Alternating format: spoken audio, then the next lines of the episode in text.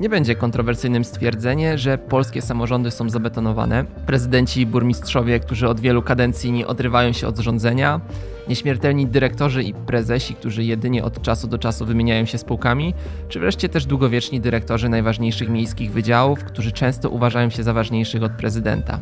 W takich warunkach dialog społeczny jest mocno utrudniony. Mimo to istnieją w polskich miastach grupy społeczne, które próbują walczyć o swoje miasta. Korzystając z okazji, że w Krakowie na zaproszenie akcji ratunkowej dla Krakowa pojawili się przedstawiciele kilku stowarzyszeń zajmujących się miastami, spotkaliśmy się w naszym krakowskim studiu, aby porozmawiać o roli ruchów miejskich największych polskich miastach. Przy mikrofonie Jakub Kucharczuk, a w dzisiejszej audycji Międzymiastowo porozmawiam z Melanią Łuczak z Warszawskiego Stowarzyszenia Miasto jest Nasze, Kosmą Nykielem, członkiem zespołu Międzymiastowo, którego wielu z naszych słuchaczy może już kojarzyć, który jest także łódzkim działaczem miejskim. Jest z nami również Monika Konieczna z Akcji Ratunkowej dla Krakowa oraz dr Jakub Nowotarski z Wrocławskiego Stowarzyszenia Akcja Miasto. Międzymiastowo. Podcast miejski Kluby Jagiellońskiego. Pierwszy wątek, myślę, że najbardziej bieżący, od którego można powiedzieć, że zaczniemy z grubej rury, zanim porozmawiamy o tym, jak wasze stowarzyszenia funkcjonują, w ogóle jak e, włodarze miast, w których działacie, odnajdują się na wasze działania. E, chciałbym porozmawiać o czymś, co pojawiło się już tak formalnie i oficjalnie w ostatnich dniach, czyli o przesunięciu terminu wyborów samorządowych.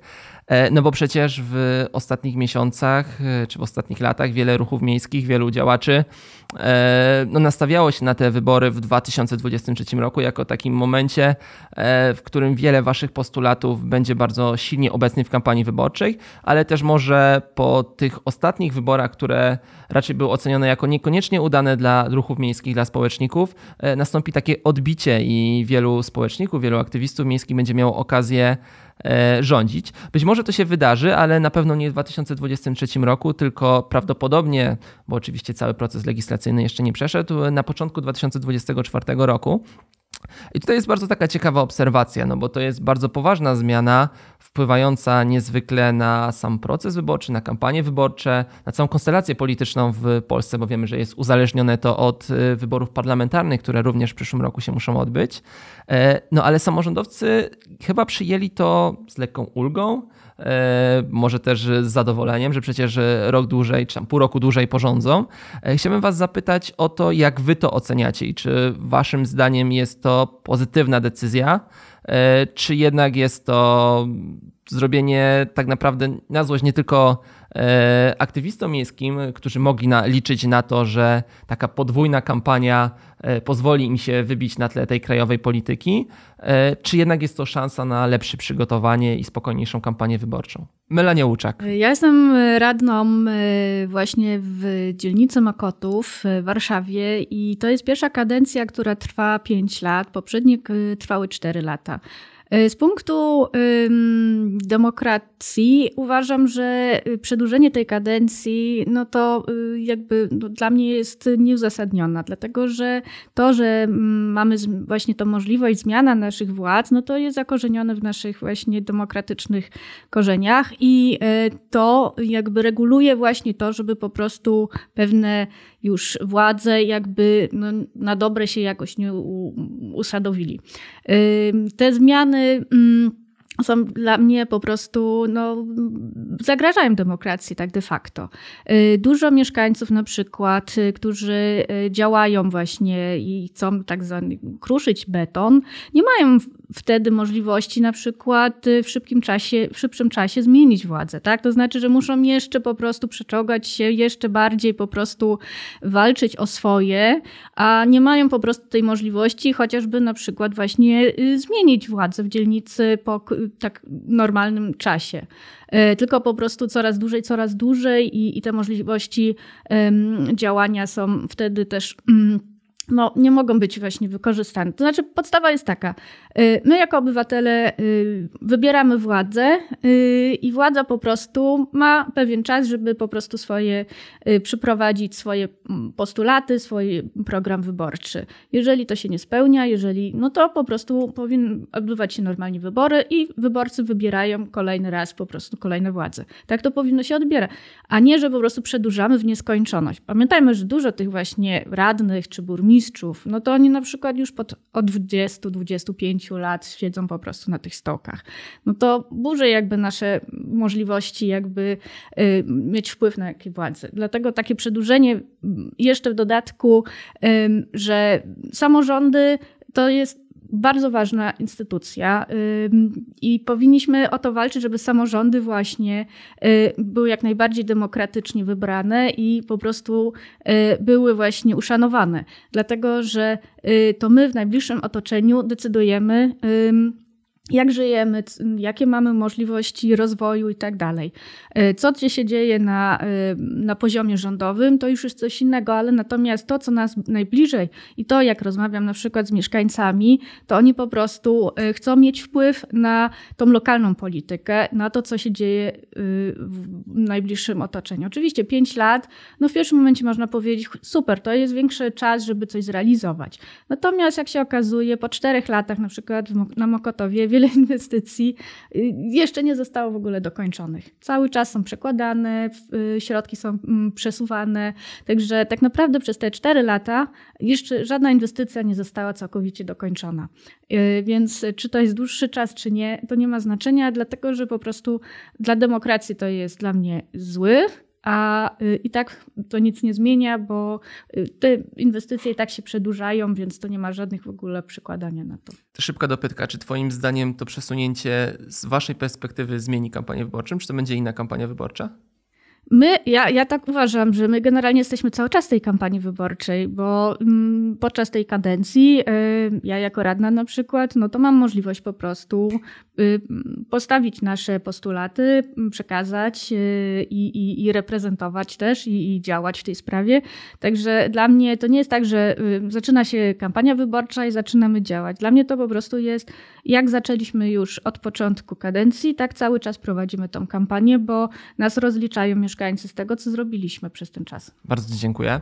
E, wiem, że chyba lekko polemiczny głos miał e, Kuba Nowotarski.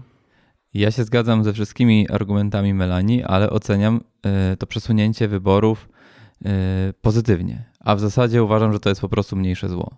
Gdyby stało się tak, że wybory samorządowe odbyłyby się w bardzo podobnym terminie do wyborów parlamentarnych, to wszystkie te rzeczy, na których nam zależy, cała ta agenda związana z rozwojem, funkcjonowaniem miast, y, ona by w ogóle nie wybrzmiała. Mamy bardzo duży spór polityczny w kraju, bardzo silną polaryzację, y, opozycja, opozycję, która cały czas zajmuje się tym, żeby wystawić jedną listę wyborczą, więc to jeszcze tylko tą polaryzację wzmocni. Jeśli do tego dołożylibyśmy ten sam mniej więcej termin wyborów samorządowych i parlamentarnych, to kampania wyborcza samorządowa byłaby zdominowana przez tą polaryzację, przez spór y, my versus oni. I rozmowa na temat tego, y, ile powinno być zieleni w mieście, czy oddychamy czystym powietrzem, czy nasz transport zbiorowy jest na europejskim poziomie, ona by totalnie odeszła y, na drugi plan. Nikt by na ten temat nie chciał rozmawiać. I w tym kontekście przesunięcie wyborów, owszem, to burzy zasady demokracji, nie tak się umawialiśmy, to łamie umowę społeczną, która była, e, ramy prawne są inne. Nie powinno się tak robić, ale koniec końców uważam, że to będzie z korzyścią dla naszych miast, bo będziemy mieli przestrzeń do tego. To nawet nie, nie chodzi mi, że my ruchy miejskie, tylko my mieszkańcy będziemy mieli przestrzeń do tego, żeby samemu mówić i domagać się takiego samego głosu od polityków na temat y, rozwoju miast i tego, y, co jest dla nas ważne. Kosmanykiel. W sumie bardziej się zgodzę z Kubą niż z Melanią, natomiast ja jestem w pewnym sensie neutralny w tym temacie. W Londynie, w którym ja też, z którym jestem zawodowo związany, przełożono wybory samorządowe ze względu na COVID i przełożono je o cały rok. Z maja 2020 na maj 2021. Tylko tam tą kolejną kadencję skrócono o rok żeby jakby nie zaburzać tego cyklu wyborczego i, i jakby nie wydłużać nienaturalnie tej, e, tej kadencji. Myślę, że coś podobnego chyba powinno być również wprowadzone w Polsce, uważam. Natomiast jeśli chodzi o perspektywę dla ruchów miejskich i dla mieszkańców i dla miast, To dobrze, bo nie będzie aż takiej polaryzacji, tak jak wspominał Kuba. Jeśli e, przyjmijmy, że PiS przegra wybory parlamentarne, wtedy nie będzie aż tak dużego nacisku ze strony, że tak powiem, opozycji parlamentarnej obecnej na e, wybory w miastach. Nie będzie też takiego nacisku na narrację albo my, albo PiS i nic oprócz tego. Więc myślę, że dla ruchów e, miejskich paradoksalnie jest to szansa, e, którą warto by wykorzystać i dzięki czemu mamy jeszcze pół roku więcej, żeby się zorganizować i jakąś zmianę pod tym względem przeprowadzić w naszych miastach. Myślę, że to jest też więcej czasu, aby obecni włodarze miast w sumie stracili poparcie.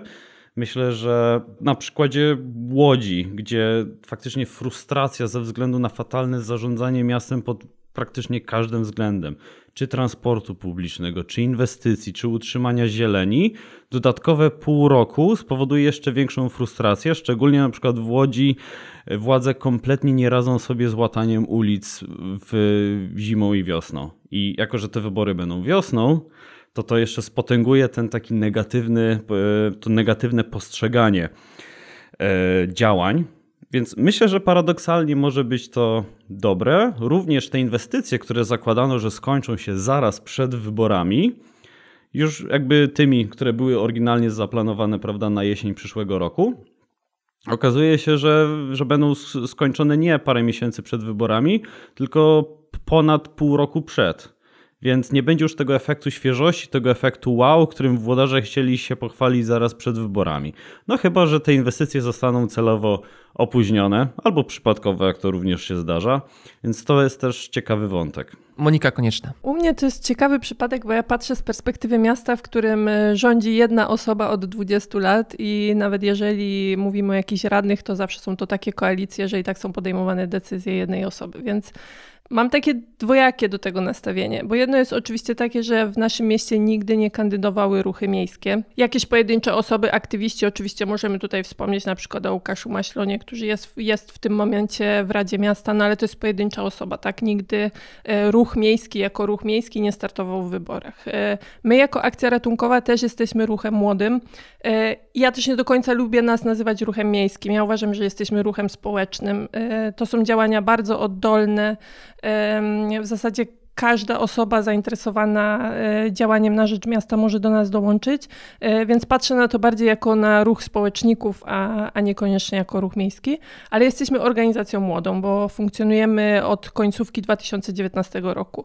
E, i być może pozbieranie też innych organizacji, które działają na rzecz miasta, czy na rzecz zieleni, czy, czy tego typu rzeczy, da nam po prostu czas na zmobilizowanie się, na przemyślenie tego tematu, że będziemy mieli większe możliwości, więcej czasu zastanowić się, czy w ogóle to jest droga, w, którą chcemy podążać e, i ewentualnie właśnie pozbieranie osób e, które chciałyby w tym uczestniczyć. Ale tak sobie myślę, że czy Majchrowski będzie rządził jeszcze dodatkowe pół roku, czy dodatkowy rok w perspektywie tego, że siedzi tam od 20 lat, e, no nie wiem, czy, czy to jest dla nas aż tak bardzo duży problem. Wiadomo, każdy dzień e, e, jego rządów jest problematyczny i chcielibyśmy, żeby to się skończyło jak najszybciej, ale, ale nie widzę jakby aż takiego zagrożenia, jeżeli porządzi jeszcze dodatkowe pół roku. Wspomnieliście o wielu argumentach za, za przełożeniem czy przeciwko przełożeniu tych wyborów, e, ale chciałem zapytać o tą kampanię wyborczą, która czy to będzie w 2023, czy raczej tak jak wspomnieliśmy w 2024, e, no to na pewno będzie bardzo angażująca. E, już teraz widzimy, że sytuacja samorządów jest kolokwialnie mówiąc beznadziejna, a będzie raczej gorsza. Widać tą pewną destrukcję na przykładzie nie tylko pewnie Łodzi, ale wielu innych miast, gdzie komunikacja miejska funkcjonuje raczej gorzej niż lepiej. Kraków jest podobnym przykładem, ale również inne, inne miasta. Mówię tutaj tutaj Kosma, Kosma się krzywie, mówię tutaj oczywiście o takiej sytuacji, porównując na przykład przed tym, jak to wyglądało przed pandemią, gdzie komunikacja miejska w Krakowie raczej należała do tych najlepszych w kraju i, i raczej ciężko było narzekać. W tym momencie jakby ta degenerolada jest zauważalna, szczególnie na przykładzie komunikacji autobusowej, gdzie po prostu raz, że brakuje kierowców, dwa, sam miejski przewoźnik, który jakby zdecydowaną większość przewozów autobusowych ogarnia, jest w bardzo dużym kryzysie, nie tylko finansowym.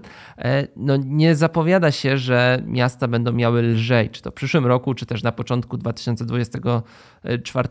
Raz, że tych funduszy europejskich jesteśmy teraz w takiej przerwie między funduszami europejskimi. Te kolejne prawdopodobnie się dopiero pojawią przyszłym roku, no ale też wiemy, że, że politycznie w Brukseli to różnie wygląda. Dwa, że też nie pojawiły się KPO, które e, mogło miastom dać pewien oddech są jedynie fundusze rządowe, e, które dobrze wiemy, czy to z analiz profesora Aflisa i profesora Swaniewicza na Fundacji Batorego, e, czy też z takich zwykłych obserwacji, one są, jakby trafiają do samorządów stricte z klucza partyjnego, e, a samorządy też chyba niekoniecznie potrafią je wykorzystywać, bo, bo jedyne co z tych funduszy co zasady finansują, no to są remonty dróg, E, czasem e, kanalizacja, e, czyli widać, że po prostu wykorzystują te fundusze rządowe, mówię o Rządowym Funduszu Inwestycji Lokalnych, czy o tych Funduszu Samorządowym, Dróg Samorządowych, no raczej są wykorzystywane takie projekty ograne. Samorządy raczej nie starają się wykorzystać tych pieniędzy na coś, co mogłoby być rzeczywiście rozwojowego dla ich miast. No więc y, ta kampania wyborcza, czym Kosma y, z przekąsem zauważył, na pewno będzie bardzo trudna dla obecnie urzędujących, bo ta frustracja y, mieszkańców będzie spora. No i chciałbym zapytać, jakie waszym zdaniem tematy będą kluczowe w tej kampanii?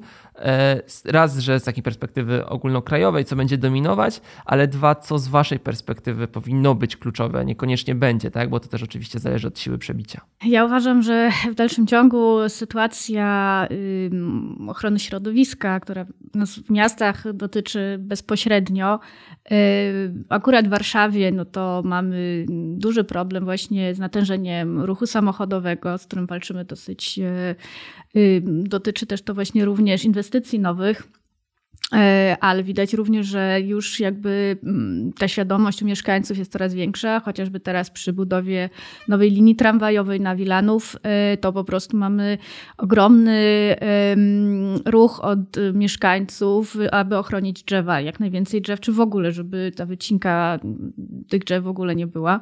E, więc tutaj jakby to, żeby po prostu miasto było bardziej przyjazne właśnie od strony właśnie więcej zieleni, więcej właśnie właśnie lepszego, lepsze powietrze przede wszystkim e, i, i taki równoważony właśnie mm, Infrastruktura to będzie na pewno jednych z najważniejszych y, haseł.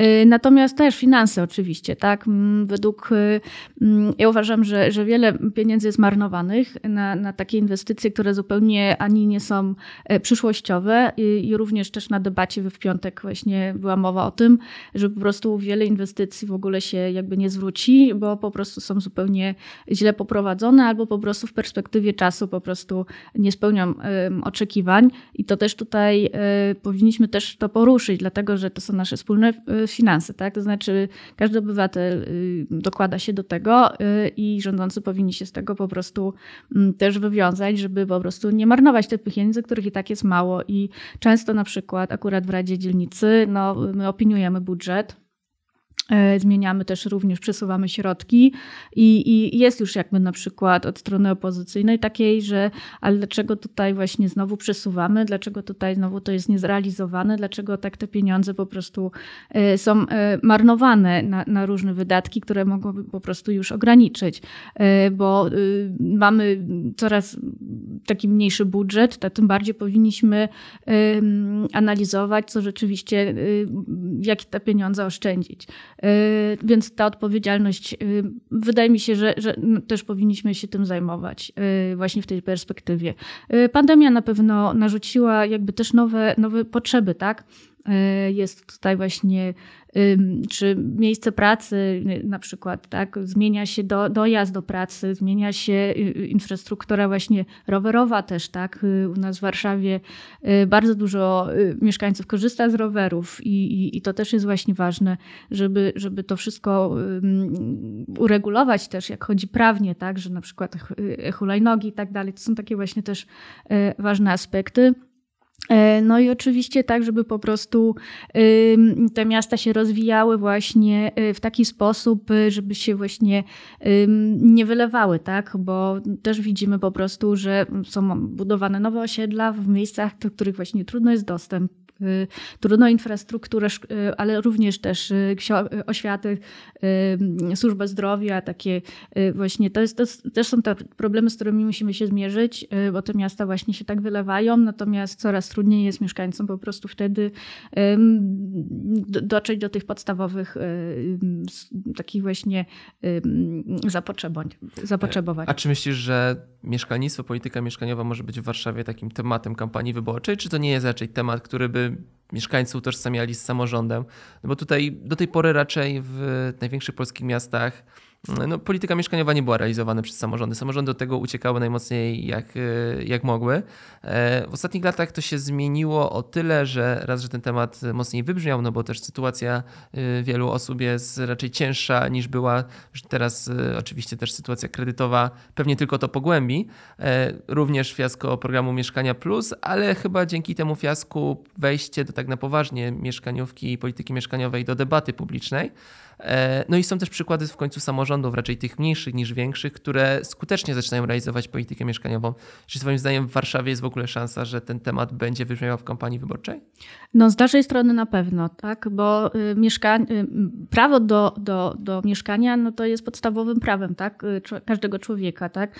I to jest istotne i ja myślę, że Polska w ogóle jest takim, no, trochę się zapędziła w taki kozi róg, bo w innych krajach na przykład y, wynajem taki długoterminowy w ogóle jest bezproblemowy. Tak? Ja akurat się wychowałam w Niemczech i y, wynajmowanie mieszkania na lata, no można powiedzieć aż do śmierci, zupełnie naturalną rzeczą było, tak?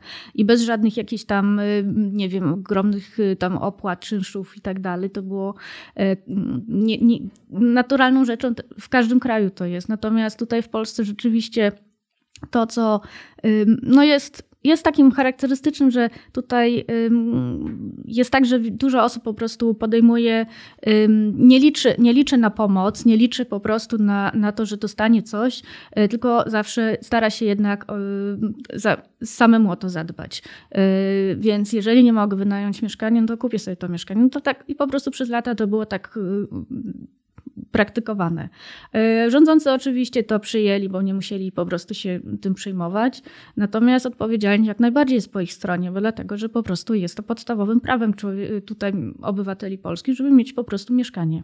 Kosmanykiel, co Twoim zdaniem w Łodzi będzie dominować kampanii wyborczej, a co byś chciał, żeby dominowało? Bardzo bym chciał, żeby właśnie ta polityka mieszkaniowa trochę była E, większym tematem, bo Łódź z dużych miast bardzo słabo wypada, jeśli chodzi o budowę TBS-ów, które w tym momencie powinny być takim centralnym punktem polityki mieszkaniowej w naszych miastach. Łódź ma bardzo duży zasób komunalny, którym kompletnie nie potrafi zarządzać. E, I to niestety również się odbija na, długich, na długim czasie oczekiwania e, na lokal komunalny. A pamiętajmy, że jednak ceny mieszkań w Łodzi w ostatnich latach wzrosły dramatycznie. Myślę, że w stosunku do zarobków jest to dość duża zmiana, jeśli spojrzymy na, na inne miasta, bo zaczynaliśmy z dużo niższego pułapu, e, a zarobki w Łodzi jednak są niższe e, niż w innych miastach porównywalnej wielkości, ze względu prawda, na te zaszłości transformacyjne. Myślę, że na pewno dużym tematem będzie bieżące utrzymanie miasta. To jest coś, co w Łodzi absolutnie leży to jest coś, czym miasto sobie nie radzi, nie chce egzekwować, nie chce sprzątać. I, I, to naprawdę przez ostatnie parę lat stan miasta pogorszył się dramatycznie, stan zieleni również. Więc to jest coś, na co łodzianie bardzo zwracają uwagę i co na pewno będzie dość dużym tematem w kampanii wyborczej. Przypomnę, że między innymi. E, prezydent Kropiwnicki w 2010 roku był odwołany za to, że nie radził sobie z bieżącym utrzymaniem miasta. Więc to są też tematy, które jakoś wybrzmiewają od dłuższego czasu. Będzie to na pewno kolejny temat to będzie e, zarządzanie inwestycjami, które w Łodzi kompletnie leży. Władze sobie nie radzą i myślę, że to, co całkiem niedawno pojawiło się w mediach ogólnopolskich, co stało się wręcz memem, to, że e, zbudowano wiadukt, który jest za niski o 7 cm w porównaniu do tego, co było trzeba, bo projekt wykonano w 2013 roku. Od tego czasu PKP wyremontowało swoją linię kolejową, podniosło ją trochę. Natomiast przy aktualizacji projektu w 2019 Zarząd Inwestycji Miejskich nie skonsultował się adekwatnie z kolejarzami. No i w tym momencie to po stronie miasta jest błąd projektowy, więc to my, jako podatnicy ucy, będziemy musieli zapłacić za prawdopodobnie rozbiórkę i ponowną budowę tego wiaduktu. I to jest tylko jeden z przykładów, bo jeśli spotka się łodzianina i się spyta, co tam na obywatelskiej, co tam na wojska polskiego, y, My w Łodzi poszukujemy pomidorów na placach budowy, bo był przypadek, gdzie na Śmiłego Rydza, którą to jest półtora kilometra ulicy, którą remontowano 3 lata, wyrosły pomidory. To jest taki jeden z symboli i myślę, że te inwestycje to jest kolejna rzecz, którą miasto bardzo się chwali, że patrzcie, tyle się dzieje, a z drugiej strony kompletnie nad tym się nie panuje. Myślę, że no i zieleń, oczywiście zieleń to jest coś, co łodzianom bardzo leży na, e, jakby coś, co leży na sercu. Ta zieleń, niestety nadzór nad zielenią, opieka e, i pielęgnacja to też są tematy, które wymagają poprawy sprzeda, prawda, wycinki pod, yy, przez deweloperów, na które pozwala miasto, na przykład uchwalając niedobre plany miejscowe, to też coraz większym echem się odbija, więc yy, myślę, że ze wzrostem tej świadomości ekologicznej i ze wzrostem jakby symptomów zmian klimatu, myślę, że jeszcze przez to następne pół, półtora roku jeszcze bardziej ten temat wy, będzie wybrzmiewał. Oprócz tego myślę, że oczywiście będą inne takie wspólne tematy, e, jak finansowanie samorządów, prawda? Jak transport publiczny, który chyba nie budzi w Łodzi aż takiej, e, aż takich emocji, zapewne dlatego, że wszyscy, którzy mogli, przesiedli się na samochody, więc nie, niestety to taka moja smutna konkluzja. Moje pytanie do Moniki Koniecznej z akcji ratunkowej dla Krakowa. E, ja mam taką tezę, że w Krakowie ta kampania wyborcza może być odmienna w zestawieniu z innymi polskimi miastami, e, no bo są te Igrzyska Europejskie. W przyszłym roku, co prawda w czerwcu, e, ale choć ta impreza nie jest wybitnie prestiżowa, może w ogóle nawet nie jest prestiżowa i nie wiadomo, do końca, co po tej stronie jakby typowo sportowej się spodziewać, tak? Czy to będzie taka impreza, która e, na miesiąc zaprzątnie głowy mieszkańców? Pewnie raczej nie, e, ale jednak bardzo wiele wokół tej imprezy infrastrukturalnie ma się dziać i się dzieje. E, no ale też jest spore ryzyko, że ta impreza po prostu będzie kompletnym fiaskiem organizacyjnym z racji może nawet nie na jakby zdolności urzędników zarówno miejskich, jak i tych samorządowych, wojewódzkich, bo to też oni organizują tą imprezę, ale też na ten krótki czas, ekstremalnie krótki czas, w którym podjęto się organizacji tej imprezy. E, czy Twoim zdaniem właśnie takie rozliczenie z fiaska, też trochę jakiś potencjalny wstyd z organizacji tej imprezy może być czymś, co zdominuje kampanię wyborczą? E, nie wiem, czy zdominuje, ale na pewno będzie dużym tematem. Głównie też przez to, że było bardzo dużo przeciwników e, tej imprezy. Mm, I tutaj nie mówię o osobach e, podejmujących decyzje, tylko po prostu o mieszkańcach, którzy raz już w referendum się wypowiedzieli, że igrzysk nie chcą. Miasto stwierdziło, że no ale to są inne igrzyska.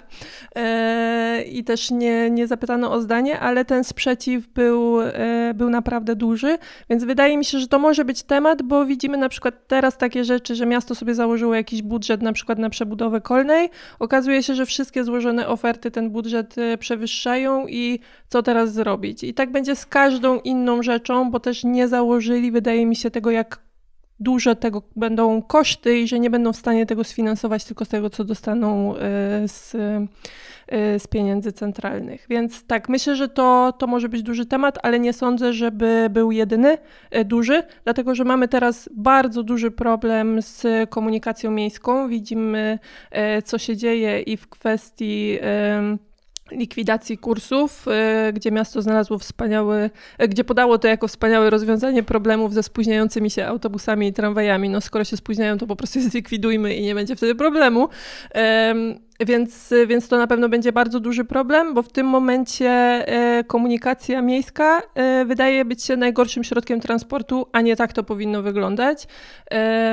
Więc na pewno będzie duży nacisk na to położony e, i na zieleń będzie oczywiście położony nacisk. I to już widzimy w tym momencie, jak bardzo miasto przejmuje retorykę chociażby naszą, czy, czy retorykę mieszkańców innych organizacji zajmujących się między innymi ochroną przyrody, bo widzimy, widzimy to na przykład po Białych Morzach, tak? gdzie ostatecznie udało się to wywalczyć. Czyli tutaj dla niewtajemniczonych e, takim dużym obszarze na południu miasta, który może być w przyszłości parkiem XL. Dokładnie, dokładnie. A y, jeszcze miesiąc temu retoryka była taka, że będzie tam pole golfowe i to było y, wspierane całą mocą przez prezydenta i, i przez jego radnych. Y, a teraz jest odwrót o 180 stopni, gdzie mówi się o tym, że konsultacje społeczne, o które my zabiegamy od dwóch lat, zostały zorganizowane z inicjatywy prezydenta, więc e, no, ten temat jest bardzo ważny w Krakowie z uwagi na to, że, ty, że mamy ogromny deficyt tych dużych terenów zielonych, e, a widzimy po tym, że już te tematy przejmują, więc, więc to na pewno będzie duży, duży temat w kampanii. Bardzo dziękuję. Pytanie do Kuby Nowotarskiego. Jak to wygląda z perspektywy Wrocławia? Te tematy, które wymieniliście, to na pewno też się pojawią we Wrocławiu. Oczywiście, y, że będzie bardzo dużo o zieleni, o transporcie. Y, myślę, że również y, energetyka może się pojawić. To oczywiście zależy od czynników zewnętrznych, to znaczy jak długo będzie trwał kryzys energetyczny w Europie, ale taki temat, który na pewno wybrzmi we Wrocławiu, to jakość naszej lokalnej demokracji. Wrocław jest znany z tego, już niestety również w Polsce, że pan prezydent banuje ludzi w mediach społecznościowych. E, to jest bardzo powszechne. Wszyscy we Wrocławiu o tym mówią, tak naprawdę. E, to jest, tak, to jest wycinanie mieszkańców, którzy nie tyle są e, w jakiś dziwny sposób krytyczni, ale nawet tych, którzy zadają po prostu pytania, wycinanie ich z debaty publicznej. My również jako, jako stowarzyszenie, to znaczy profil stowarzyszenia na Facebooku został zablokowany przez pana prezydenta. Zazwyczaj on blokuje za, za komentarze, My nigdy nic nie skomentowaliśmy, a i tak dostaliśmy, jak to sami mówimy, bana prewencyjnego. E, ale to też się zdarzyło e, radnym miejskim. E, no i ponieważ dużo dyskusji się dzieje w mediach społecznościowych, między innymi na, na profilach prezydenta, no to, to jest to tak naprawdę obniżanie standardów demokratycznych. A jak dołożymy jeszcze do tego różne mechanizmy, które władza praktykuje, na przykład y, tworzenie propagandowych mediów, y, drenaż dziennikarzy z, z mediów publicznych. Mówił zresztą o tym Rzecznik Praw Obywatelskich. To nie jest tak, że tylko ruchy miejskie widzą w tym problem. Y, no to okazuje się, że właśnie nasza lokalna demokracja ma się coraz gorzej. Y, to stoi w zupełnej sprzeczności z tym, y, co potrafi nasz prezydent opowiadać w mediach ogólnopolskich, jak go zapraszają jako gościa, bo on wtedy mówi, że to samorząd jest kolebką demokracji. No we Wrocławiu nic z tych rzeczy. I mieszkańcy o tym wiedzą, są tym bardzo zmęczeni, bardzo zażenowani, że to tak wygląda, oczekują bardzo, bardzo wyraźnej zmiany, więc jestem przekonany, że to będzie jeden z głównych tematów kampanii. Tutaj jeszcze głos Moniki Koniecznej. Tak, jeśli mogę się do tego odnieść, bo to jest też bardzo ciekawy temat w Krakowie, gdzie mieszkańcy są blokowani na oficjalnym profilu miasta Krakowa, kraków.pl. Ja sama zostałam zablokowana yy, i próbuję się od jakiegoś czasu dowiedzieć z jakiego powodu, yy, ale też dociera do nas coraz więcej głosów od zwykłych mieszkańców, którzy nie działają w żadnych ruchach ruchach po prostu zadają pytania, są ciekawi, podważają różne rzeczy i, i chcieliby się, chcieliby uzyskać odpowiedzi na jakieś pytania, są automatycznie banowani. I chcę tylko powiedzieć, że pomaga nam teraz e, Watchdog, e, z tymi tematami, bo chcielibyśmy doprowadzić do sytuacji, w której po prostu mieszkańcy zostaną odblokowani, albo przynajmniej dostaniemy informację, z jakiego powodu to się dzieje. Ja myśl... Ja myślę, w ogóle media społecznościowe samorządów i organów publicznych powinny być w pewien sposób uregulowane, bo to jest taka szara strefa, gdzie jakby to jest przedłużenie przestrzeni publicznej, tak? Przedłużenie jakiejś debaty, która jest w mediach, czy po prostu na mieście. To, to, to, to, e, trochę kącik mówców, prawda? Każdy może stanąć sobie na ulicy przed urzędem miasta i powiedzieć, co mu się nie podoba, i miasto go nie może uciszyć. Natomiast kiedy pisze coś takiego na Facebooku, no to może. I pytanie jest jakby, czy urząd miasta, czy prezydent Sutryk może banować ludzi z profilu miasta, którzy, że tak powiem, nie łamią jakichś regulaminów. A jeśli łamią regulamin, no to jaki jest to regulamin, prawda? Za co można zostać zbanowanym, jaka jest procedura odwoławcza. Uważam, że to wszystko powinno zostać uregulowane prawnie, bo to jakby żyjemy w XXI wieku i takie rzeczy jakby prawodawstwo musi nadążać za postępem technologicznym.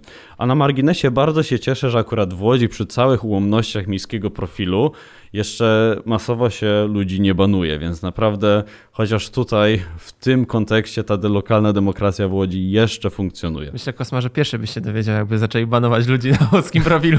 Tak jest. Płynnie przeszliśmy do tematu, który chciałem poruszyć. Nie wiem, czy będzie ostatni wątek, czy może jeszcze coś zmieścimy w naszej rozmowie, e, ale tego, jak te kampanie wyborcze, ta kampania wyborcza, która się zbliża i kampanie wyborcze w waszych miastach, E, z Waszej perspektywy mogą się rozgrywać właśnie w mediach e, społecznościowych, czy to w mediach ogólnie. Oczywiście w ostatnich latach, szczególnie w pandemii, widzimy, że te media społecznościowe chyba są takim e, najbardziej angażującym e, nie tylko medium, ale angażującym obszarem życia miasta. Tam się rozgrywają największe, największe jakby dramaty, tam są ludzie banowani, o czym mówiliście, tam też są podejmowane decyzje, bo często prezydenci, urzędnicy widząc, że jakaś sprawa zaczyna mocno angażować, reagują, wydają oświadczenia, czy na podstawie tego, co tam się dzieje, jakby robią sobie taki prywatny barometr społeczny, czy publiczny barometr społeczny. E, ale często jednak e, w to może być użyte w kampanii wyborczej, prawdopodobnie będzie użyte w kampanii wyborczej. Czy waszym zdaniem jesteście w stanie walczyć e, z taką dużą machiną medialną e, i machiną jakby funkcjonującą w mediach społecznościowych, finansowaną za publiczne pieniądze? E, bo wszystkie te profile są tworzone przecież przez ludzi, którzy są na etatach w urzędach miasta. Wszystkie te profile już były i dobrze wiemy, że dalej będą wykorzystywane jako profile w kampanii wyborczej. Pewnie nie tylko samorządowej, ale też w kampanii ogólnokrajowej, jeżeli niektórzy samorządowcy zdecydują się startować, a wiemy, że tak na pewno będzie. E, I czy waszym zdaniem jest jakby szansa z tym walczyć? Czy macie narzędzia, które możecie przeciwstawić e, tak znacznemu wpływowi? No bo dobrze wiemy, że Facebook równa się pieniądze e, i jeżeli jest kilku ludzi pracujących na konkretny profil, robi, robiących, tworzących, angażujące treści, czy też w końcu wydających pieniądze na reklamę, a to też się dzieje, no to trudno z tym walczyć. E, Kuba Nowotarski. Siłą ruchów miejskich e, w wyborach, oczywiście mówię w scenariuszu, że wszyscy startujemy, są ludzie i jasne, że dużo się będzie działo w mediach społecznościowych, ale yy, no tutaj jesteśmy na, na przegranej pozycji, bo yy, partie polityczne mają większy zasięg, mają większe budżety, więc mogą sobie yy, dotrzeć tymi, tymi narzędziami do większej liczby osób. Na ile to jest skuteczne, to jest jakby inna w ogóle rozmowa, bo myślę, że nasi odbiorcy są bardziej zaangażowani w takim politycznym sensie Y, łatwiej nam będzie dotrzeć do odbiorców przez media społecznościowe, poprosić ich o pomoc, nawet w kampanii wyborczej, niż prezydentowi y, Sutrykowi, bo jednak inaczej na niego y, ludzie patrzą. Ale tak jak mówię, siłą ruchów miejskich są ludzie. Myślę, że na ulicy będzie tak, że w każdym dużym mieście, gdzie ruchy miejskie startują, to więcej rozmów twarzą w twarz przeprowadzą te komitety, komitety wyborcze wyborców ruchów miejskich, niż komitety Y, polityczne. Tak było dotychczas. Owszem, politycy codziennie będą mieli zdjęcie, jak rozdają kawę na ulicy, rano na przystanku, y, ale, y, ale to nie sprawi, że że rzeczywiście tą debatę z mieszkańcami odbędą. No my mamy świadomość swoich ograniczeń. Nie będziemy silniejsi jako ruchy miejskie nigdy w kampanii wyborczej, jeśli chodzi o pieniądze. Nie będziemy silniejsi, jeśli chodzi o media tak ogólnie, bo to też chodzi o, o te media tradycyjne tam pewnie też będzie dominował temat polaryzacji, więc to, gdzie mamy przewagę, to jest, to jest siła poszczególnych ludzi i myślę, że, że po prostu na ulicy zdominuj, zdominujemy, mówię ogólnie jako ruchy miejskie w Polsce, zdominujemy kampanię i najłatwiej nam będzie dotrzeć do tak zwanych zwykłych mieszkańców. Bardzo dziękuję. Monika Konieczna. Ja to obserwuję już na co dzień. E, e, jak wygląda torpedowanie miasta e, wszystkich tematów, które poruszamy? Bo na każdy temat, który pojawi się w naszych social mediach albo o którym powiemy w mediach, zaraz pojawia się kilka filmików w dwóch miejskich telewizjach propagandowych, że albo jest inaczej, albo to jest ich zasługa. I pierwszy raz, kiedy zderzyliśmy się naprawdę z takim ogromnym, z taką ogromną, ogromną machiną propagandową ze strony miasta, to był temat Parku Rzecznego Wilga, który by się wydawało, że nie powinien być w ogóle żadną e, kością niezgody, a jednak ta machina uruchomiona w social mediach i w telewizjach e, czy w gazetach miejskich to była ogromna. My się w ogóle nie spodziewaliśmy e, takiej fali ze strony miasta skierowanej przeciwko nam i wtedy sobie zdaliśmy chyba sprawę z tego, z czym się mierzymy i że tak jak, tak jak powiedział Kuba, no finansowo nigdy nie będziemy mocniejsi w tym temacie ale też mi się wydaje, że docieramy mieszkańców w ten oddolny sposób. Pamiętam, jak zbieraliśmy uwagi do planu miejscowego na osiedlu podwawelskim e, i przez samo to, że przez trzy dni staliśmy po dwie godziny e, z własnym stoiskiem na tym osiedlu, udało nam się zebrać 1200 uwag. To jest bardzo dużo e, i no, podobna sytuacja na przykład była w Parku Bednarskiego, e, gdzie przez tą obywatelską okupację zebraliśmy rekordową liczbę e, odpowiedzi w naszych konsultacjach obywatelskich, która nigdy przez cały, e, przez, jakby przez cały czas rządów Jacka Majchrowskiego nigdy E, w takiej liczbie e, mieszkańcy nie wzięli udziału w konsultacjach społecznych. Więc to jest taka nasza ogromna siła działania oddolnego, e, działania blisko z mieszkańcami, rozmawiania z nimi a urzędnicy siedzą trochę w tych swoich biurach e, za, za stołkami i nawet jeżeli przyjdą, to przychodzą z ulotkami miejskimi, e, oczywiście drukowanymi za nasze pieniądze, mm, ale nie mają takiej siły dotarcia do takich zwykłych e, mieszkańców. Melania Łuczek. Ja podczas ostatniej kampanii rzeczywiście y, chodziłam z ulotkami mogę powiedzieć, że miałam 500 ulotek, a i tak udało mi się zdobyć ten mandat, dlatego że ja bardzo konsekwentnie działałam na ulicy. W każdej wolnej chwili albo byłam ze stoiskiem w różnych miejscach, albo po prostu chodziłam, y, obeszłam każdą ulicę, akurat w moim okręgu i rozmawiałam, bo social media są y, naprawdę, dają dużo możliwości, natomiast też docierają do pewnych grup, tak? Y, starsze osoby na przykład, albo osoby, które nie są tak na bieżąco właśnie z internetem czy social mediami, no to po prostu no, do nich to nie dociera, a zawsze, zawsze jest tak, że właśnie ten kontakt bezpośredni, ta rozmowa, bo y, no, to my jesteśmy mieszkańcami, jesteśmy obywatelami i my musimy być traktowani z szacunkiem i po prostu ze zrozumieniem i trzeba po prostu być otwartym na wszystko, co, co mieszkańcy mówią. I to jest najlepsza okazja porozmawiać, yy, zwłaszcza yy, spacerkiem idąc po prostu ma się czas na to, żeby, żeby porozmawiać yy, od, od razu w tym otoczeniu, które nas, w którym się znajdujemy. My akurat jako miasto jest nasze, mamy rzeczywiście dosyć szeroki wachlarz, y, jak chodzi o social, social media, bo mamy naszą stronę internetową, mamy również właśnie na Twitterze działamy bardzo prężnie i, i na Facebooku, Instagram. Natomiast y, my rzeczywiście y, często narzucamy narrację, tak, że jesteśmy w terenie. Inaczej właśnie tak jak właśnie tutaj y, mówiliście, że po prostu urzędnicy siedzą albo w swoich tam właśnie biurach, albo na przykład w swoich limuzynach i w ogóle nie widzą, co ich otacza. My natomiast idąc już do pracy po prostu zwracamy uwagę, od razu wrzucamy to właśnie na social media i od razu to podejmujemy debatę w, w, w, publiczną, tak, żeby zwrócić uwagę na to i często jest to właśnie później, no na przykład właśnie media to podejmują. My akurat mamy takie, oczywiście mamy dzielnicowe takie gazetki burmistrzów i tak dalej, natomiast Akurat my mamy też y, duży komfort, y, jak chodzi o, o, dostępność czy kontakt z mediami, tak, że jesteśmy w stanie ich tak zainteresować, że oni po prostu też y, chętnie podejmą nasze, nasze, nasze tematy. A druga sprawa jest, że rzeczywiście my też już jesteśmy taką, często nas pyta, pytają się o opinię, tak, bo też udało nam się no, takie kampanie dla krajowe, jak chodzi o życie na przykład, podejmować, więc więc, więc też jesteśmy często zapraszani do mediów i, i, wypowiadamy się właśnie, jak chodzi o transport, czy bezpieczeństwo na drogach, e, czy, czy uczestniczymy właśnie w komisjach sejmowych też na przykład. Ostatnio mieliśmy taką możliwość. Natomiast musimy być sobie świadomi, że to, że ktoś ma duże środki finansowe, e, nie sprawia, że jest bardziej widoczny.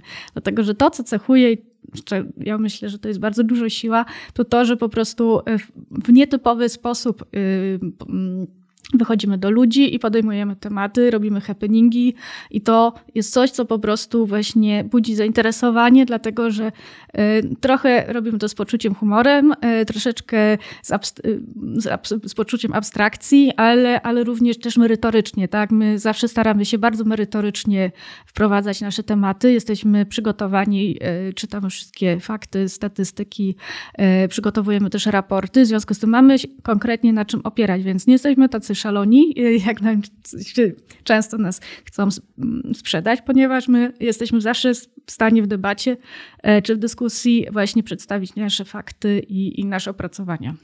Nasz czas antenowy dobiega końca, więc e, dwa ostatnie zdania Kosmanykiel. Jeśli chodzi o Łódź, to jest o tyle ciekawa sytuacja, że profil Łodzi na Facebooku jest największym ze wszystkich miast w Polsce, bo to jest w tym momencie około 440 tysięcy obserwujących, więc to jest potężna, w pewnym sensie społeczność, która jest jakby stworzona potężnymi środkami finansowymi, bo biuro promocji, czy jak to się mówi, biuro propagandy jest jednym z najlepiej dofinansowanych wydziałów w Urzędzie Miasta Łodzi. To dopytam, to są rzeczywiście obserwujący z Łodzi, czy raczej tak. Bangladesz i Tajlandia? Nie, właśnie Bangladeszu i Tajlandii i Wietnamu nie ma, jak to ostatnio było w Warszawie. E, jakby nie jest łatwo walczyć z taką propagandą su sukcesu, która jest aż tak szeroko propagowana. Natomiast yy, myślę, że naszymi i oprócz tego trzeba wspomnieć o gazetce łódź.pl, która wychodzi trzy razy w tygodniu, jest dystrybuowana wszędzie, na przystankach, w bibliotekach, w różnych zaprzyjaźnionych e, lokalizacjach. I to jest nakład kilkudziesięciu tysięcy egzemplarzy trzy razy w tygodniu. Z propaganda sukcesu oczywiście jest super, a będzie jeszcze lepiej i z tym nie jest łatwo walczyć. To jest oczywiście za pieniądze podatników, a w tej gazetce jeszcze przy okazji zamieszcza się darmowe reklamy deweloperów, co jest w ogóle też czymś niesamowitym i myślę, że nie wiem, czy przebija Kraków, ale naprawdę i jakby nie jest łatwo walczyć z tak wielką machiną propagandową, która jest zorientowana jedynie na tak naprawdę reelekcję. Natomiast naszym sprzymierzeńcem mogą być po prostu media tradycyjne, bo te media również, dziennikarze w Łodzi są bardzo sfrustrowani sytuacją, gdzie rynek medialny jest i wolność słowa tak naprawdę psuta przez Urząd Miasta, który z jednej strony prezydent Łodzi chodzi na marsze wolne media, a potem te wolne media tak naprawdę e, tłamsi przez tworzenie własnych mediów. I właśnie ci dziennikarze są naszymi sprzymierzeńcami, bo oni mają też naprawdę mimo wszystko spore zasięgi, mają też zasięgi u ludzi starszych, którzy czytają cały czas gazety papierowe I bardzo często tematy, które na przykład ja y, poruszam, są potem poruszane przez media y, łódzkie, dzięki czemu te nasze postulaty, te rzeczy, którymi się zajmujemy, mają dalsze przełożenie i przebijamy się przez tą taką blokadę informacyjną Urzędu Miasta Łodzi. Więc ja myślę, że TikToki, Instagramy, Facebooki fajna rzecz, ale media tradycyjne to jest cały czas bardzo duża moc. Dzięki. I Kuba Nowotarski na sam koniec. I jeszcze jedną rzecz chciałem podkreślić co do tego, co mówimy, czy teraz Kosma mówił bardzo y, stanowczo. Y, media w rękach samorządów, czy właśnie profil na Facebooku, na Facebooku Urzędu Miejskiego Łodzi, no to są tak naprawdę media urzędowe. I trzeba pamiętać cały czas, że urzędnicy tak naprawdę nie są od tego, żeby budować wizerunek prezydenta. Y, nie są od tego, żeby mu robić kampanię wyborczą przez y, dwa lata w godzinach pracy, tylko są od tego, żeby służyć mieszkańcom. Więc to jest tak naprawdę jedna y, wielka patologia i zdecydowanie to tak nie powinno wyglądać, ale no nie mogę pozwolić sobie, nam i słuchaczom na, tak, ta, na taką ponurą puentę, więc puenta pozytywna jest taka, że no mówiliśmy trochę o zieleni, o, o betonie, zresztą no to nie jest pierwszy odcinek tego podcastu, który akurat te tematy porusza. Jestem przekonany, że podejście mieszkańców w tych tematach zmienia się bardzo, bardzo szybko w ostatnich latach. Znacznie szybciej niż wyobrażenie na ten temat naszych władz. Y, więc y, duża zmiana polskich miast jest na wyciągnięcie ręki, taka zielona, y, która poprawi nam wszystkim jakość życia. Może nasi samorządowcy jeszcze o tym nie wiedzą, ale to się i tak prędzej czy później stanie. Bardzo Wam dziękuję za rozmowę. W dzisiejszym odcinku to już wszystko. Rozmawialiśmy w jakże licznym y, gronie z Kosmą Nykielem z Łodzi, z Moniką Konieczną z Krakowa, doktorem Jakubem Nowotarskim z Stowarzyszenia Akcji Miasto z Wrocławia oraz Melanią Łuczak z Miasto jest Nasze z Warszawy. Ja oczywiście Państwa zachęcam do słuchania również innych odcinków międzymiastowo. Znajdziecie nas na wszystkich popularnych platformach streamingowych.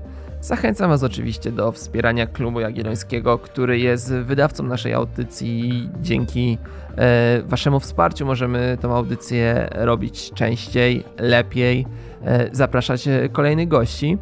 Oczywiście zachęcam również do subskrybowania Produkcja tego odcinka, jak e, pewnie dobrze wiecie, została sfinansowana ze środków otrzymanych w ramach programu rozwoju organizacji obywatelskich na lata 2018-2030, których operatorem jest Narodowy Instytut Wolności Centrum Rozwoju Społeczeństwa Obywatelskiego. Dzięki pozyskanemu grantowi od kilkunastu miesięcy rozwijamy nie tylko nasz podcast, ale i inne działania w tematyce miejskiej na portalu Klub Jagielloński. Zachęcam do czytania, ostatnio się pojawiło kilka ciekawych nowych tekstów. Do usłyszenia. Międzymiastowo. Podcast miejski Klubu Jagiellońskiego.